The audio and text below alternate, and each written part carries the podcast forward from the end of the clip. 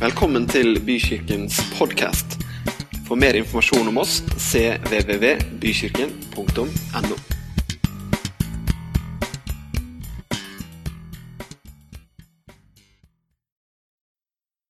Vi starta forrige gang på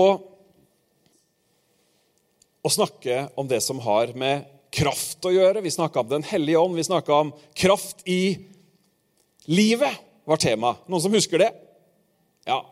Kraft i livet. Vi snakka om hvordan en side av den kristne tro som mange liksom har parkert litt, eller ikke helt klarer å definere, men som allikevel er faktisk veldig levende. Vi snakka om Den hellige ånd, og vi så litt på hvordan Gjennom Gamletestamentet så var han der over spesielle mennesker som fikk spesielle oppdrag til spesielle tider. Og Vi så også det at når det nærma seg Jesu fødsel, så var det akkurat som om Helligånden la inn et annet gir, og så ble han veldig virksom. Og etter det så har han også vært veldig virksom. Og, og det vi egentlig på mange måter konkluderte med, det vi sa forrige søndag, var at Den hellige ånd er akkurat like levende, akkurat, akkurat like reell, akkurat like her og nå som det han var den gang da.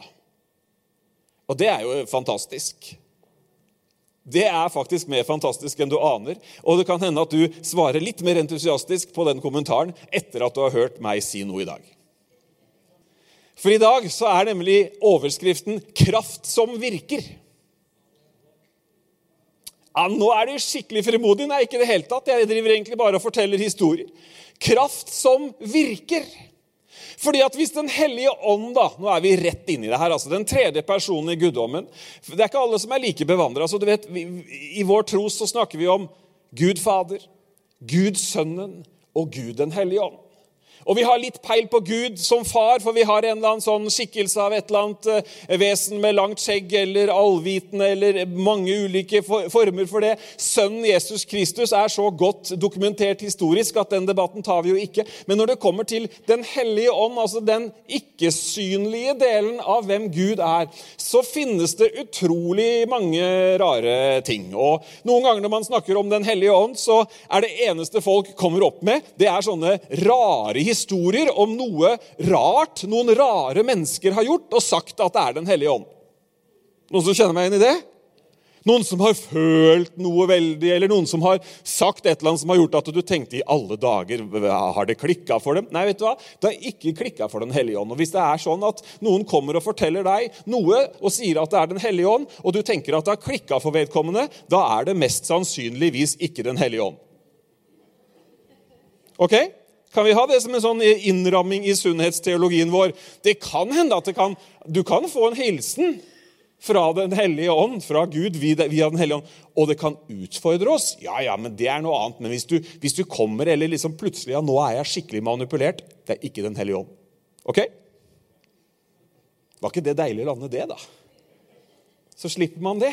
For, no, for Grunnen til at det er viktig å lande det, er fordi at noen nemlig har hatt en eller annen rar opplevelse som gjør at bare de hører en predikant skal si noe om Den hellige ånd, så kommer liksom forsvarsmekanismene opp og tenker det der, det er ikke for meg. Jeg tar Daniel i løvehulen, og jeg tar de andre tingene, men ikke det. Ikke sant? Og du skjønner, hvis du ikke tar det da går du glipp av så utrolig mye. Da går du glipp av, glipp av den kraften som faktisk virker. Vi skal lese et vers som vi hadde forrige gang, fra Hverdagsbibelen. Dere er vel ikke så dumme, sier Paulus, at dere velger å slite dere gjennom livet ved bruk av deres egne krefter, etter at dere har opplevd hvilken enorm hjelp det fins i åndens kraft. Har dere erfart så mye forgjeves? Nei, jeg nekter å tro at det har vært forgjeves. Dere, I dag skal vi se litt på denne kraften som virker. Og vi skal se litt på hva Den hellige ånd egentlig gjør. At jeg til det fulle skal brette ut det i løpet av eh, ca. 30 minutter nå, det skjønner du at det sikkert ikke går. Men jeg har lyst til å peke på noen av de viktige, noen av de tingene som Den hellige ånd gjør, og som har med ditt og mitt liv å gjøre egentlig hver eneste dag. Ikke det som kanskje eh, du tenker at skal skje en eller annen gang i framtiden, men noe av det som skjer, og som vi er i berøring med hver eneste dag. Høres det ut som en plan? Ja, Da har jeg lyst til at vi skal lese i Johannes 3. Og vi får det på veggen her.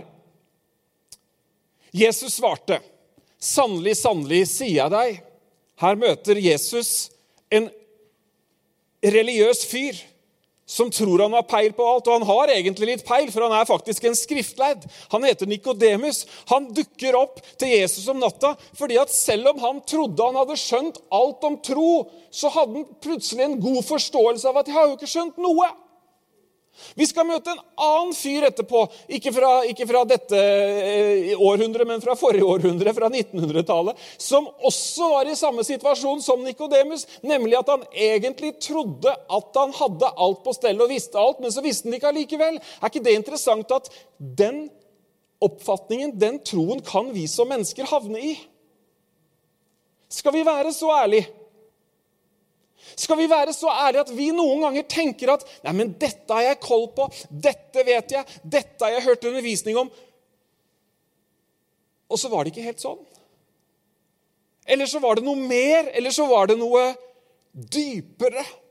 Og Det er en ting som er fascinerende. Hvis du har vært kristen lenge, så vet du det her. Hvis du ikke har vært kristen, så kommer det en liten reklame akkurat nå. Eller hvis du ikke er kristen. Det er alltid Altså, Gud er så enorm at det er alltid dypere vann. Det er alltid mer å finne ut. Det er alltid større. Det er alltid Altså, jeg, Ingen av oss her kommer noen gang til å liksom, til det fulle OK, we have sorted everything out. We know. Nei, det er alltid noe mer. Og denne her mannen han møtte Jesus. og Det er jo det som er så herlig med oss mennesker, at når vi først kommer i berøring med Jesus, enten det er sånn som her fysisk, eller det er sånn som her nå, i en gudstjeneste hvor det er mennesker som tror på Jesus, så vekkes dette spørsmålet, så vekkes denne lengselen. Det er jo noe mer her. Og det var det som var inngangen til Nikodemus. For hør hva, hør hva han, han, han kommer til Jesus, og så sier han det står ikke på veggen, men det står i, i litt, eh, et annet sted i kapitlet. Han sier, 'Du, Jesus, jeg skjønner jo at du kommer fra Gud.' Jeg skjønner jo at du har med Gud å gjøre, for ingen kan gjøre de tingene du gjør, hvis ikke det er Gud som er kobla på. Hva sikter han til? Jo, mennesker som fikk livene forvandla, sjuke som ble helbreda, hele pakka. Altså, Han var så ærlig midt oppi sin satte religiøsitet at han skjønte det må være noe mer. Men så var han litt flau, for han var jo kjent i byen, så han dukker opp om, om Jesus om natta. Eh, og, og, så prøver han å få svar på dette her, og så sier Jesus sannelig, sannelig, jeg sier deg, uten at han blir født av vann og ånd, kan han ikke komme inn i Guds rike. Det som er født av kjødet, eller kjøttet, det er kjøtt, og det som er født av ånden, er ånd. Undre deg ikke over at jeg sa til deg, dere må bli født på ny. Vinden blåser dit den vil, du hører den suser, men du vet ikke hvor den kommer fra, eller hvor den farer hen. Slik er det også med hver den som er født av Ånden. Vet du hva Nikodemus Han hadde adoptert en teologi, en lære om Gud, men han var ikke det som Bibelen, dette begrepet som det nesten har gått inflasjon av, han var ikke født på ny. Ja, men Er ikke det liksom sånn der, er ikke det sånn flashing slogan fra reklamebransjen? da, You need to be born again, liksom, og This car gives you the born again experience. Altså, ikke sant? Det har blitt en sånn der språklig greie liksom, på at når noe er over det normale Og dette er veldig over det normale, men hele poenget er at når Guds ånd kommer i berøring med din ånd Har jeg en ånd? Ja, du har en ånd. Har jeg en ånd? Er det ånden i flasken, eller hva er det jeg er? Nei, vi, vi består av en kropp, av en sjel og en ånd. Sånn er vi skapt. Du kan være uenig. Du kan ha gitt det åndelige veldig liten plass i livet ditt, eller veldig stor plass i livet, men ånden er der uansett. Og på samme måte som når en eggcelle og en sædcelle kommer sammen, og det skjer en befruktning, og det skaper et nytt liv, det samme skjer når Guds ånd kommer inn i deg. Da blir din ånd, eh, da blir din ånd født på ny. og Derfor så sier Bibelen den bruker radikale ord om det å bli en kristen. Den sier at, man, at vi blir nye skapninger. Ja, Får vi en ny fysisk kropp? Nei, men det innerste av oss, det som er ånd, det blir nytt. Og det er det første, og det er kanskje det aller viktigste på mange måter, som Den hellige ånd gjør. Fordi at Jesus sier du kan ikke komme inn i Guds rike hvis ikke du er født av vann og ånd. Du vet, du kan være kirkegjenger, du kan være oppvokst i det kristne landet Norge, og du kan kunne søndagsskolepensumet passe bra, men hvis ikke du er født av Ånden, så er din ånd i forhold til evigheten død. I forhold til Gud så er den død. Så det første Den hellige ånd gjør, som er så viktig å forstå for alle, det er at ved å slippe Han til og si ja til Jesus, så kommer Guds ånd inni oss, og så skjer det noe nytt. Og det, er, det, kunne vi sikkert sittet her i en del timer og bare hørt på alle historiene fra disse folka her om hva som skjedde, eller hvordan man opplevde det. For det, det oppleves veldig spesielt. Det oppleves som at det er noe som begynner der inne, som ikke du har liksom bestemt deg for og tatt deg sammen, og nå følger jeg et sett regler, og nå har jeg liksom håndboka til min religion på innerlomma og slår opp i ny og ne. Nei, det skapes et liv der på innsida. Og det er hele forskjellen. Derfor så sier vi kristne noen ganger at nei, vi er ikke en religion, fordi at vi har ikke det ytre som skal lede, eh, lede til noe. Det er noen som har gjort noe som påvirker oss, og som lar det nye livet slippe ut. Født av Ånden.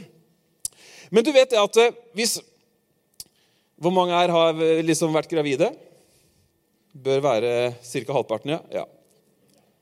Hva, la meg spørre, Var det svangerskapet som var liksom målet? Her kom det en latter som svarte veldig godt. På ingen måte, kunne dere like gjerne sagt.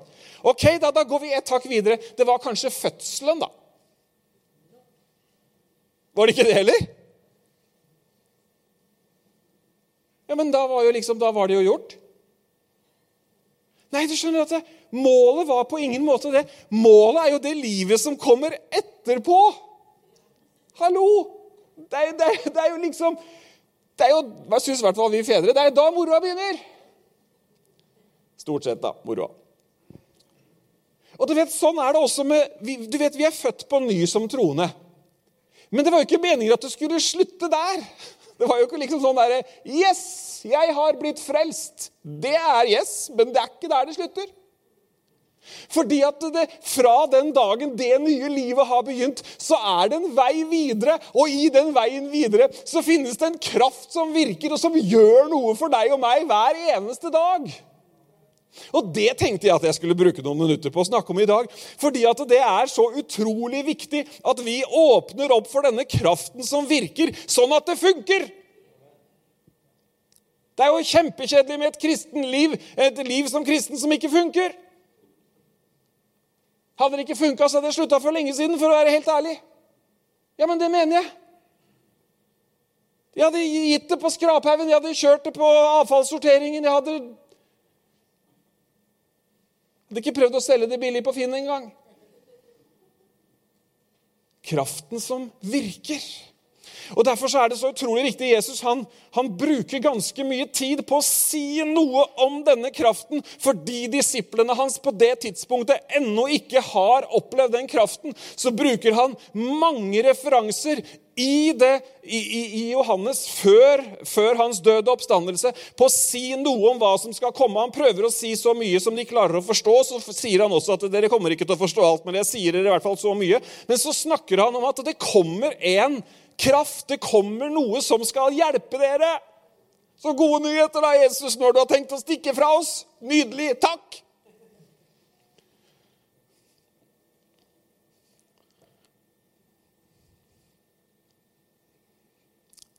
Født på ny. Guds barn med kraft som hjelper oss til å leve det livet som har blitt født. Ikke som du har tatt deg sammen for å lage, men kraft til å leve det livet som har blitt født. La oss se i Romerbrevet kapittel 8. Der står det noen nydelige vers.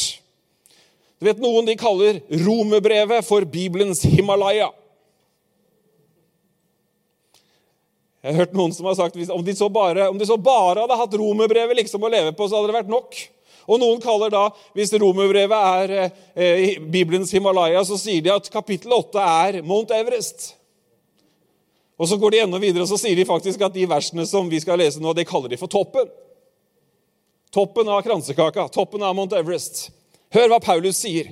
Paulus tar jo opp tråden, og han forklarer jo, akkurat som jeg nå prøver å forklare dere, uten sammenligning for øvrig, så prøver han da å forklare de første kirkene om hvordan dette med Den hellige ånd egentlig fungerer. Og Det er derfor han er så frimodig når, han sa det som han sa i Galateren. ikke sant? Er dere så dumme at dere har tenkt å klare det sjøl nå?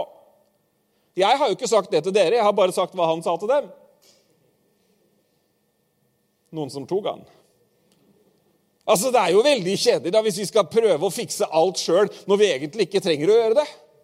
Altså, Det er hyggelig å bære vann en, en, en helg på hytta, men ikke hele livet. Hvis du ikke må, mener jeg. Hør hva han sier. Alle som drives av Guds ånd, er Guds barn. Han snakker om det som har skjedd på innsiden av oss. Dere har ikke fått den ånden som slavene har, så dere igjen skulle være redde. Nei, dere har fått ånden som gir rett til å være Guds barn. Den som gjør at vi roper 'Abba, far'.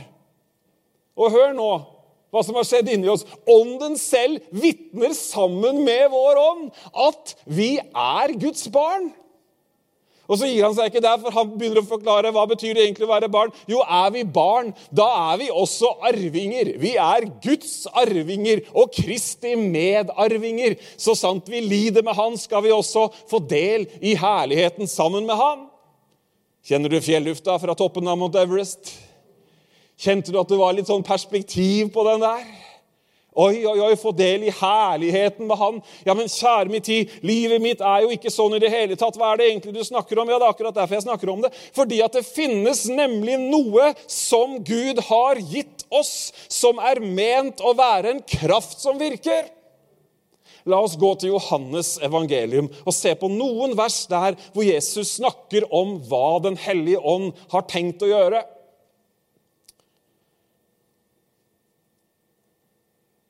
I kapittel 14. Vi skal være i 14 og 16. Jeg tror ikke vi rekker alt. Altså, det, vi kunne tatt mye, vet du, men vi, vi er jo ikke vant til å spise lenge. Hvis dere elsker meg, så gjør det som er etter min vilje. Jeg skal be til Gud om at han skal sende dere Den hellige ånd for å være sammen med dere til evig tid. La den synke inn. Han er sannhetens ånd. Bare de som vil gi livet sitt til Gud, kan få erfare Den hellige ånd. Han vil være med dere. Ja, han vil være i dere, og dere vil kjenne han. For jeg kan jo ikke forlate dere og la dere sitte igjen alene her som foreldreløse barn. Jeg skal komme til dere gjennom Den hellige ånd. Her snakker ikke Jesus om at det fra tid til annen i deres liv nå etter at jeg drar til himmels, så skal dere få oppleve at det blir litt frysninger på ryggen, og dere skal få kjenne at ja, der var det godt å være. Nei, han snakker om en som skal komme og være hvor da? Hos dem. Ikke bare hos, men i. Hallo? Du, jeg lurer på en ting. Hva har Jesus hva finnes hos han som du trenger? Kan vi ta en sånn liten sånn toveisgreie når vi prøver oss på det? Noen eh, karaktertrekk hos Jesus som du tenker at hadde vært bra. Marius? Hæ? Håp, ja. Andre ting? Tålmodighet. Frihet. Fred. Glede. Kjærlighet. Styrke. Empati. Nåde! Hvordan kunne vi bruke så lang tid på å komme på det? La oss lese et vers til som står i, i vers 26. Men talsmannen, Den hellige ånd, som far skal sende i mitt navn, skal lære dere alt og minne dere om alt jeg har sagt dere. La oss ta neste i kapittel 16.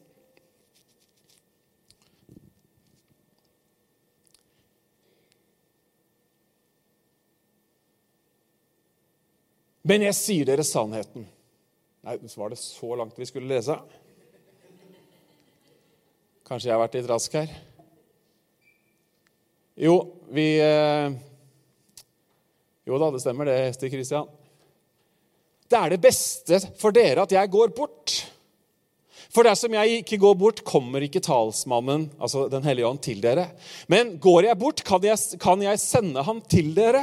Og når han kommer, skal han gå i rette med verden og vise den hva synd er, hva rettferdighet er, og hva dom er. Synden er at de ikke tror på meg. Rettferdigheten er at jeg går til far, og dere ser meg ikke lenger. Dommen er at denne verdens fyrste er dømt. Ennå har jeg mye å si dere, men dere kan ikke bære det nå. Men når sannhetens ånd kommer, skal han veilede dere til hele sannheten. For han skal ikke tale ut fra seg selv, men si det han hører, og gjøre kjent for dere det som skal komme. Han skal herliggjøre meg, for han skal ta av det som er mitt, og forkynne det for dere. Alt det som min far har, er mitt. Derfor sa jeg at han skal ta av det som er mitt, og forkynne det for dere. Den hellige ånd er en budbærer. En messenger. Den hellige ånd har en oppgave i ditt og mitt liv, og det er å ta det som Jesus er og har. Tenk på alt han er og har. Nå hadde vi jo noen, noen eh, beskrivelser her. Og så er hans oppgave å ta det og gi det til oss. Hørte du hva jeg sa? Han tar det som Jesus sa, det som Jesus var, det historiske personen Jesus, alt det vi så, alt det vi leser om. Hans oppgave er å ta de egenskapene, ta alt det, og gi det til oss. Gjøre det levende for oss, gjøre det til vårt. Amen. Og du vet, Ofte så tenker vi at vi mangler f.eks. kraft, da, som noen sa her. Eller vi mangler håp. Er det ikke da fantastisk at eh, Gud har gitt oss en hjelper? Han har gitt oss en som kommer med det håpet til oss. Amen. Som kommer med den freden, som kommer med det som vi trenger for at vi skal kunne leve de livene som vi var skapt til å leve. For det var jo ikke meningen at vi skulle oppleve å bli født på ny, og så skulle det være en dato i boka. Nei, meningen var jo at ikke denne fødselen var slutten, men at det var begynnelsen på et liv i nær relasjon med Gud. Og Den hellige ånd gjør det ettersom livene våre utvikles, så, så, som vi leste her i Romerne 8. ikke sant? Hvis vi kan få opp Romerne 8, 14 igjen. Så er det jo ved Den hellige ånd at vi får denne forsikringen i hjertet om at vi er Guds barn. Ledes av Guds ånd. Vår, den hellige ånd vitner sammen med vår ånd om at vi er Guds barn.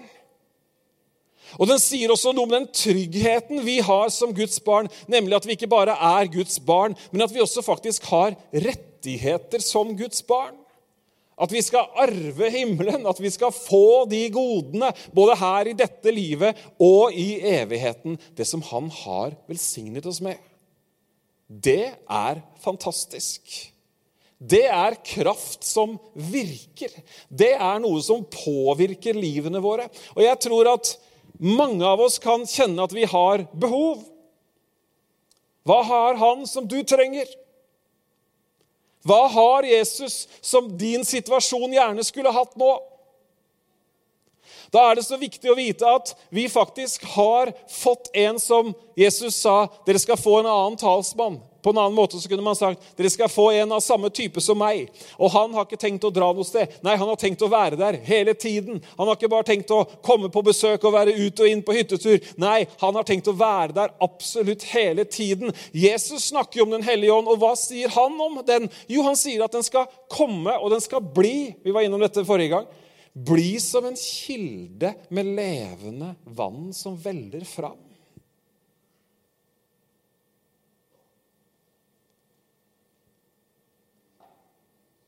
En annen måte å si at man har behov på, kan være å si at man tørster. Bibelen bruker det begrepet veldig mye. Snakker om at vi som mennesker kan ha en tørst. At vi kan ha et behov som ikke er tilfredsstilt. I Johannes' åpenbaring så står det Bruden sier 'kom'. Ånden sier 'kom'. Og den som vil komme, han kan få lov til å faktisk få drikke. Drikke av denne kilden som gir kraft inn i hverdagslivet vårt. For det er det som skjer når vi lar Den hellige ånd få lov til å prege livene våre. Så er han der for å hjelpe oss. La meg ta noen sånne praktiske ting som man som kristen eh, fra tid til annen sikkert kan føle at går litt trått.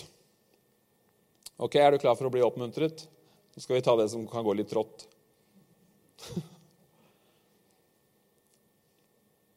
Å be, eksempel. Skal ikke ha noen sånn håndsopprekning. Men vi kjenner følelsen av å gå tom for ord. Vi kjenner følelsen av å komme til kort. Vi kjenner følelsen av å ikke helt vite engang hva skal vi be om. Da sier Bibelen i Romerbrevet litt seinere i kapittel 8 at Ånden kommer og hjelper oss. Det står ikke bare at han hjelper oss, men det, kommer, det står også at han kommer og går i forbønn for oss. Og det er fantastisk å ha sånn hjelp på bønnemøtet. For han kjenner dybden i Gud, men han kommer og hjelper oss. En annen ting som vi kan slite med fra tid til annen, er jo det at vi kan oppleve at det er vanskelig å forstå Bibelen.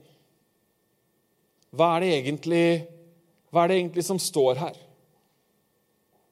Da kommer Den hellige ånd og gir oss lys. Viser oss Jesus, eh, Jesus, sa jo at han skal komme og forklare dere ting. Han skal komme og minne dere på ting. Han skal komme og, og, gjøre levende de tingene som jeg en gang har sagt. Jesus sa det jo her, vi leste det i stad. Akkurat nå så skjønner dere ikke alle ting engang, men når han kommer, så skal dere faktisk forstå enda mer av hvem jeg er, og hva jeg har gjort. Og det trenger vi Den hellige ånd til. Jeg har lyst til å vise dere et bilde av en kar eh, som heter Bill Burnett.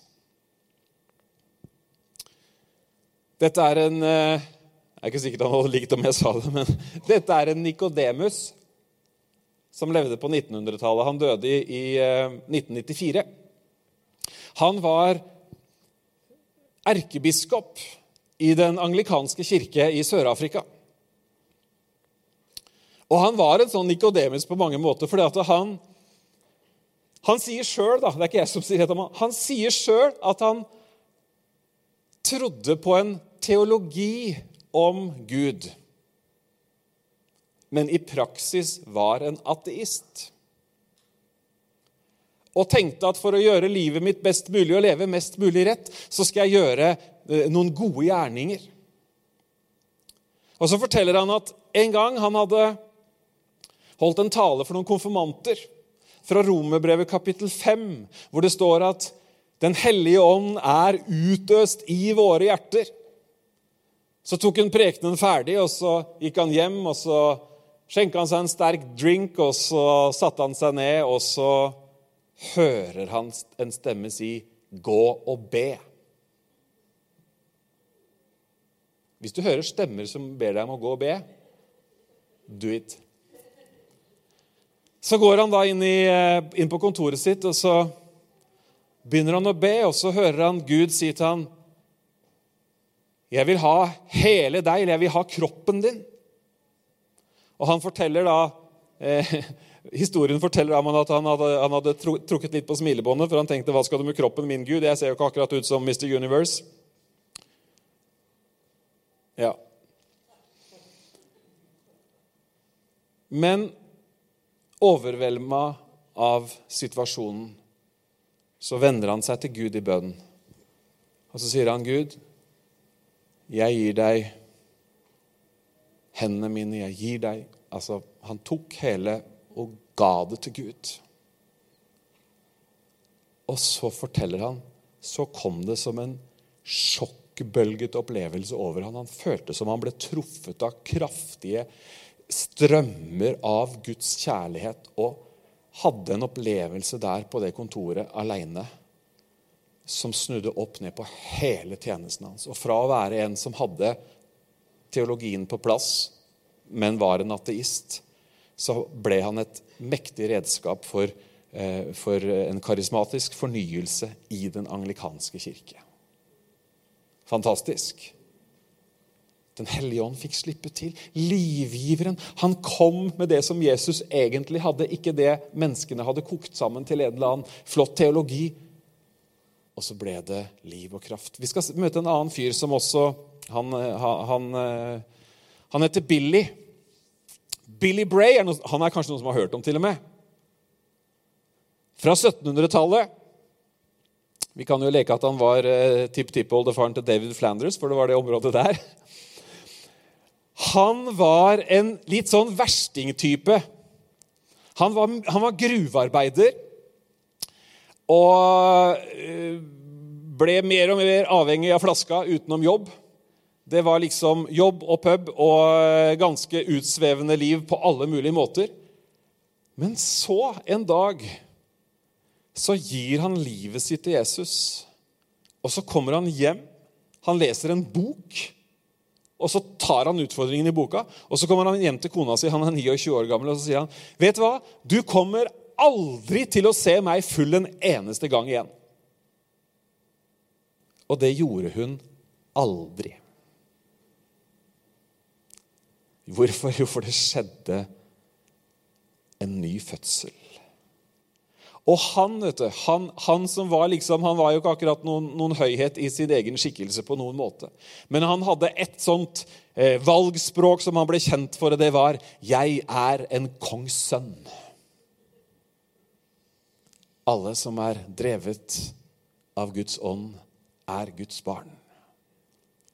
Han han, han, fikk ved Den hellige ånds kraft, ikke ved bibelskole, ikke ved rehabiliteringsprogrammer, ingenting, men han fikk ved Den hellige ånds kraft se hvem han var pga. det Jesus hadde gjort, og det forvandla livet hans. Og helt til hans dødsdag, helt til det siste, så var det bare en sånn derre lovprisningsstrøm som kom ut av munnen hans. Han ga ære til Gud, og han bygde kirker og barnehjem og alt mulig. Og, og det, det fortelles at han hadde en helt sånn magnetisk tiltrekningskraft på folk. Hvorfor? Jo, fordi han var full av Guds ånd.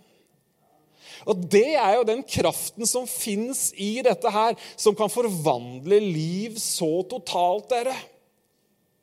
Og så tenker vi at ja, men jeg er ikke Billy Bray eller jeg er ikke, jeg er ikke Bill Burnett. eller Det spiller egentlig ingen rolle, fordi at det som Gud har sagt, det er at han vil utøse av sin ånd over alle mennesker. Og han er så nøye på, på, dette med alle mennesker at han til og med tar, tar, rekka. Det skal ikke være forskjell på menn og kvinner, skal ikke være forskjell på rik og fattig, skal ikke være forskjell, altså sosiale klasser osv. Nei, alle som vil, kan komme og drikke. Alle som vil, kan få oppleve at Den hellige ånd tar det som Jesus har, og gir det til oss. Jeg prøvde å tenke på en illustrasjon på dette her. Som dere ser, så har jeg valgt å ikke kjøre noen illustrasjon. Men jeg, jeg, er jo sånn som tenker litt i bilder noen ganger, så jeg hadde så lyst til å ha en sånn derre Jesus her borte. Som sto liksom på en måte med verdiene og ved, ved alt det som vi nevnte, pluss masse til. Og så at en av oss andre kunne stått her og så hatt en eller annen som var litt sånn utkledd som en eller annen hellig ånd som gikk gjennom og som bare Vær så god, her har du håp! Du, jeg trenger litt fred også. Det blei det illustrasjon allikevel. Her har du fred! Hva har han som du trenger? Hvis du skal ha med deg det spørsmålet når du går ut herfra i dag Hva har han som du trenger? For i min bibel så står det at han er alt. Det står at han er mer enn nok. Det står at han er høyest, det står at han er sterkest, det står at han er uten begrensninger. Hva har han? Som du trenger? Hva tørster du og jeg etter som han kan gi? Om noen tørster, sa Jesus. Husker du hva vi snakka om forrige gang? Midt oppi denne religiøse greia vet du, med gullkrukka med vann fra Siloadammen og løvhyttefesten og hele pakka. ikke sant? Midt på søndagsmøtet, for å si det sånn. Midt i konferansen. Så står Jesus fram. Og så snakker han om en tørst og noe som stiller en tørst, som er på et helt annet nivå enn, en godt regissert feiring. Som er på et helt annet nivå enn et religiøst program.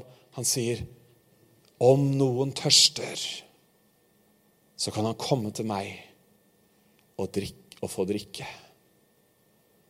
Og det vannet som jeg gir han, hva sier han at det vannet skal bli?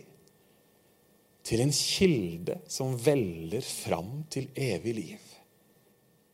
Hva var det han snakka om? Jo, det står videre i Johannes 7. Du kan lese det sjøl når du kommer hjem. Dette sa han om Ånden. Men Ånden var ikke kommet ennå, fordi Jesus ikke var herliggjort. Nå viste jeg dere, ut fra Skriftene forrige søndag, at Jesus er herliggjort, at Ånden har kommet.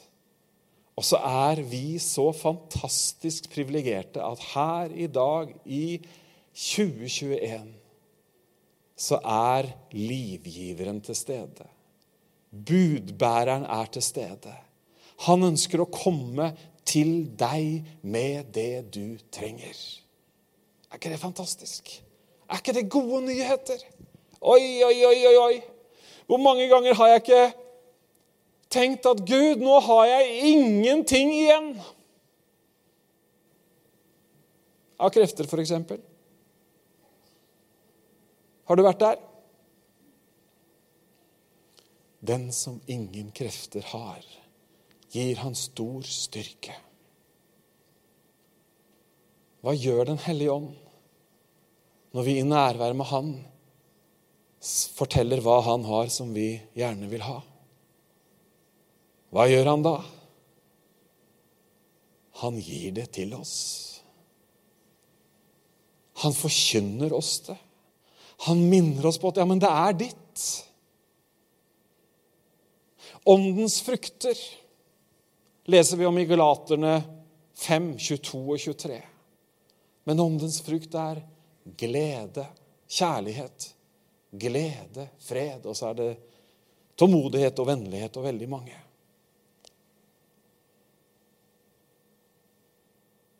Når vi mottar og drikker inn, tar til oss av Den hellige ånd, så er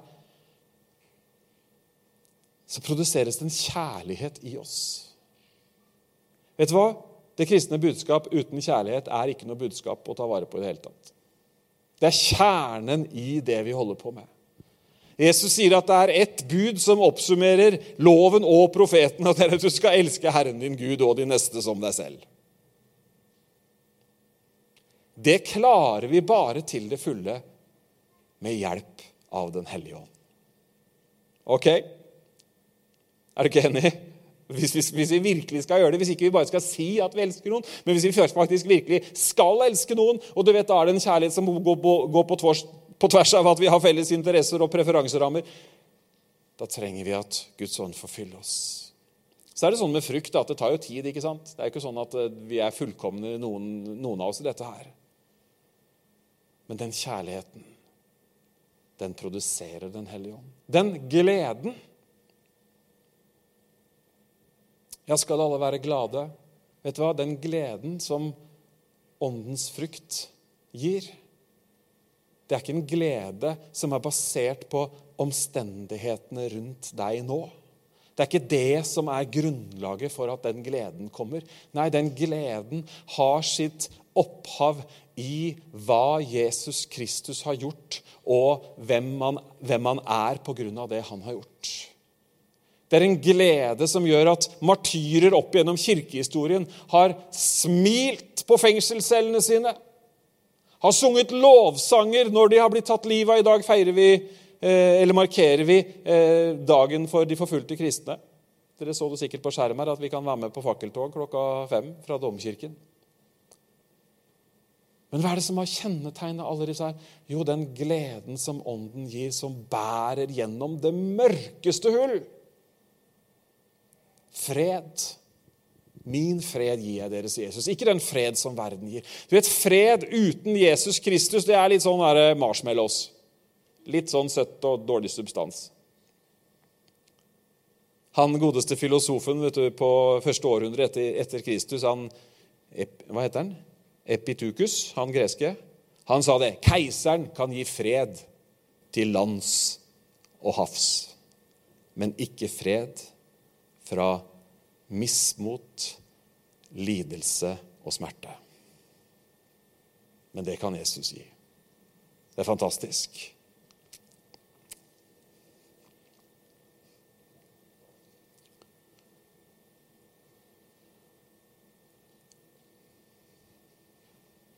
kraft som virker.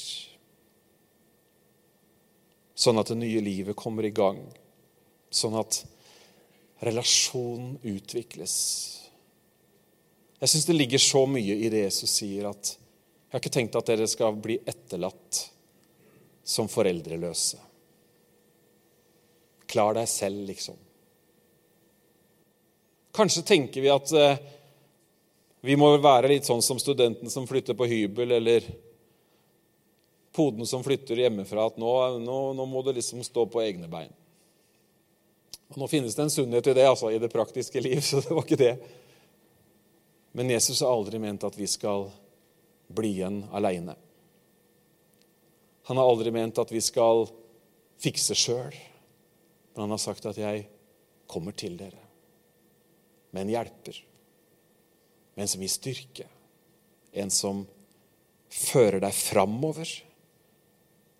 En som gjør at du kan leve det livet som man er skapt til å leve sammen med Gud. Dere, Vi skal få fram lovsangen, og så skal vi be sammen. Vi skal gjøre sånn som vi pleier å gjøre i gudstjenestene våre, at vi skal ta litt tid i lovsang nå. Og så er det åpent her borte på siden hvis noen ønsker å bli bedt for.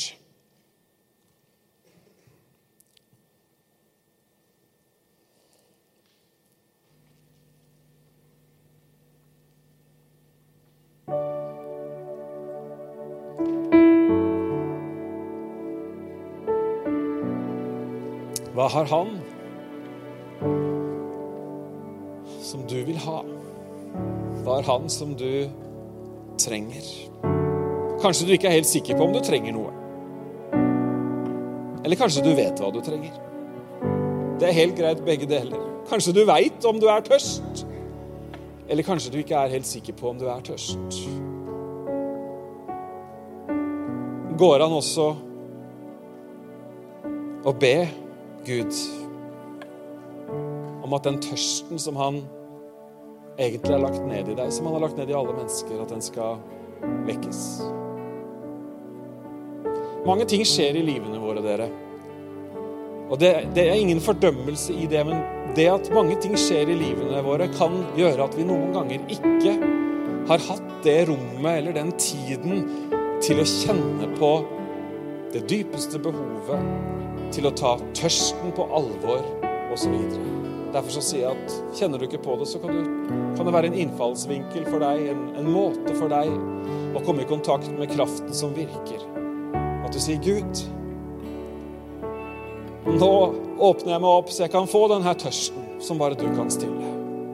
For det er ikke nødvendig å si at man har en tørst hvis man ikke har en tørst. Men jeg tror også at det er mange som har en tørst.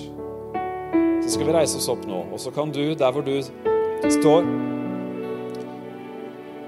Kan du ta tid med Gud, kan du sette ord på tørsten. Sette ord på det han har som du trenger.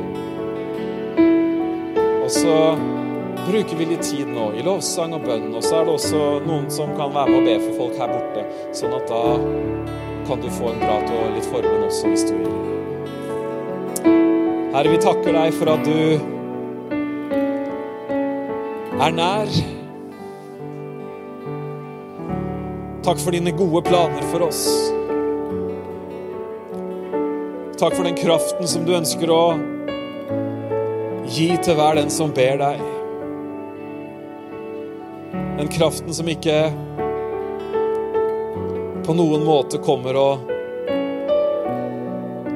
kontrollerer eller overtar, men den kraften som gir styrke og som gir det vi trenger. Takker deg for at du nå ved Den hellige ånd minner noen på hva du har gjort, hva du har, hva som finnes hos deg, at du gir det til dem, Herre.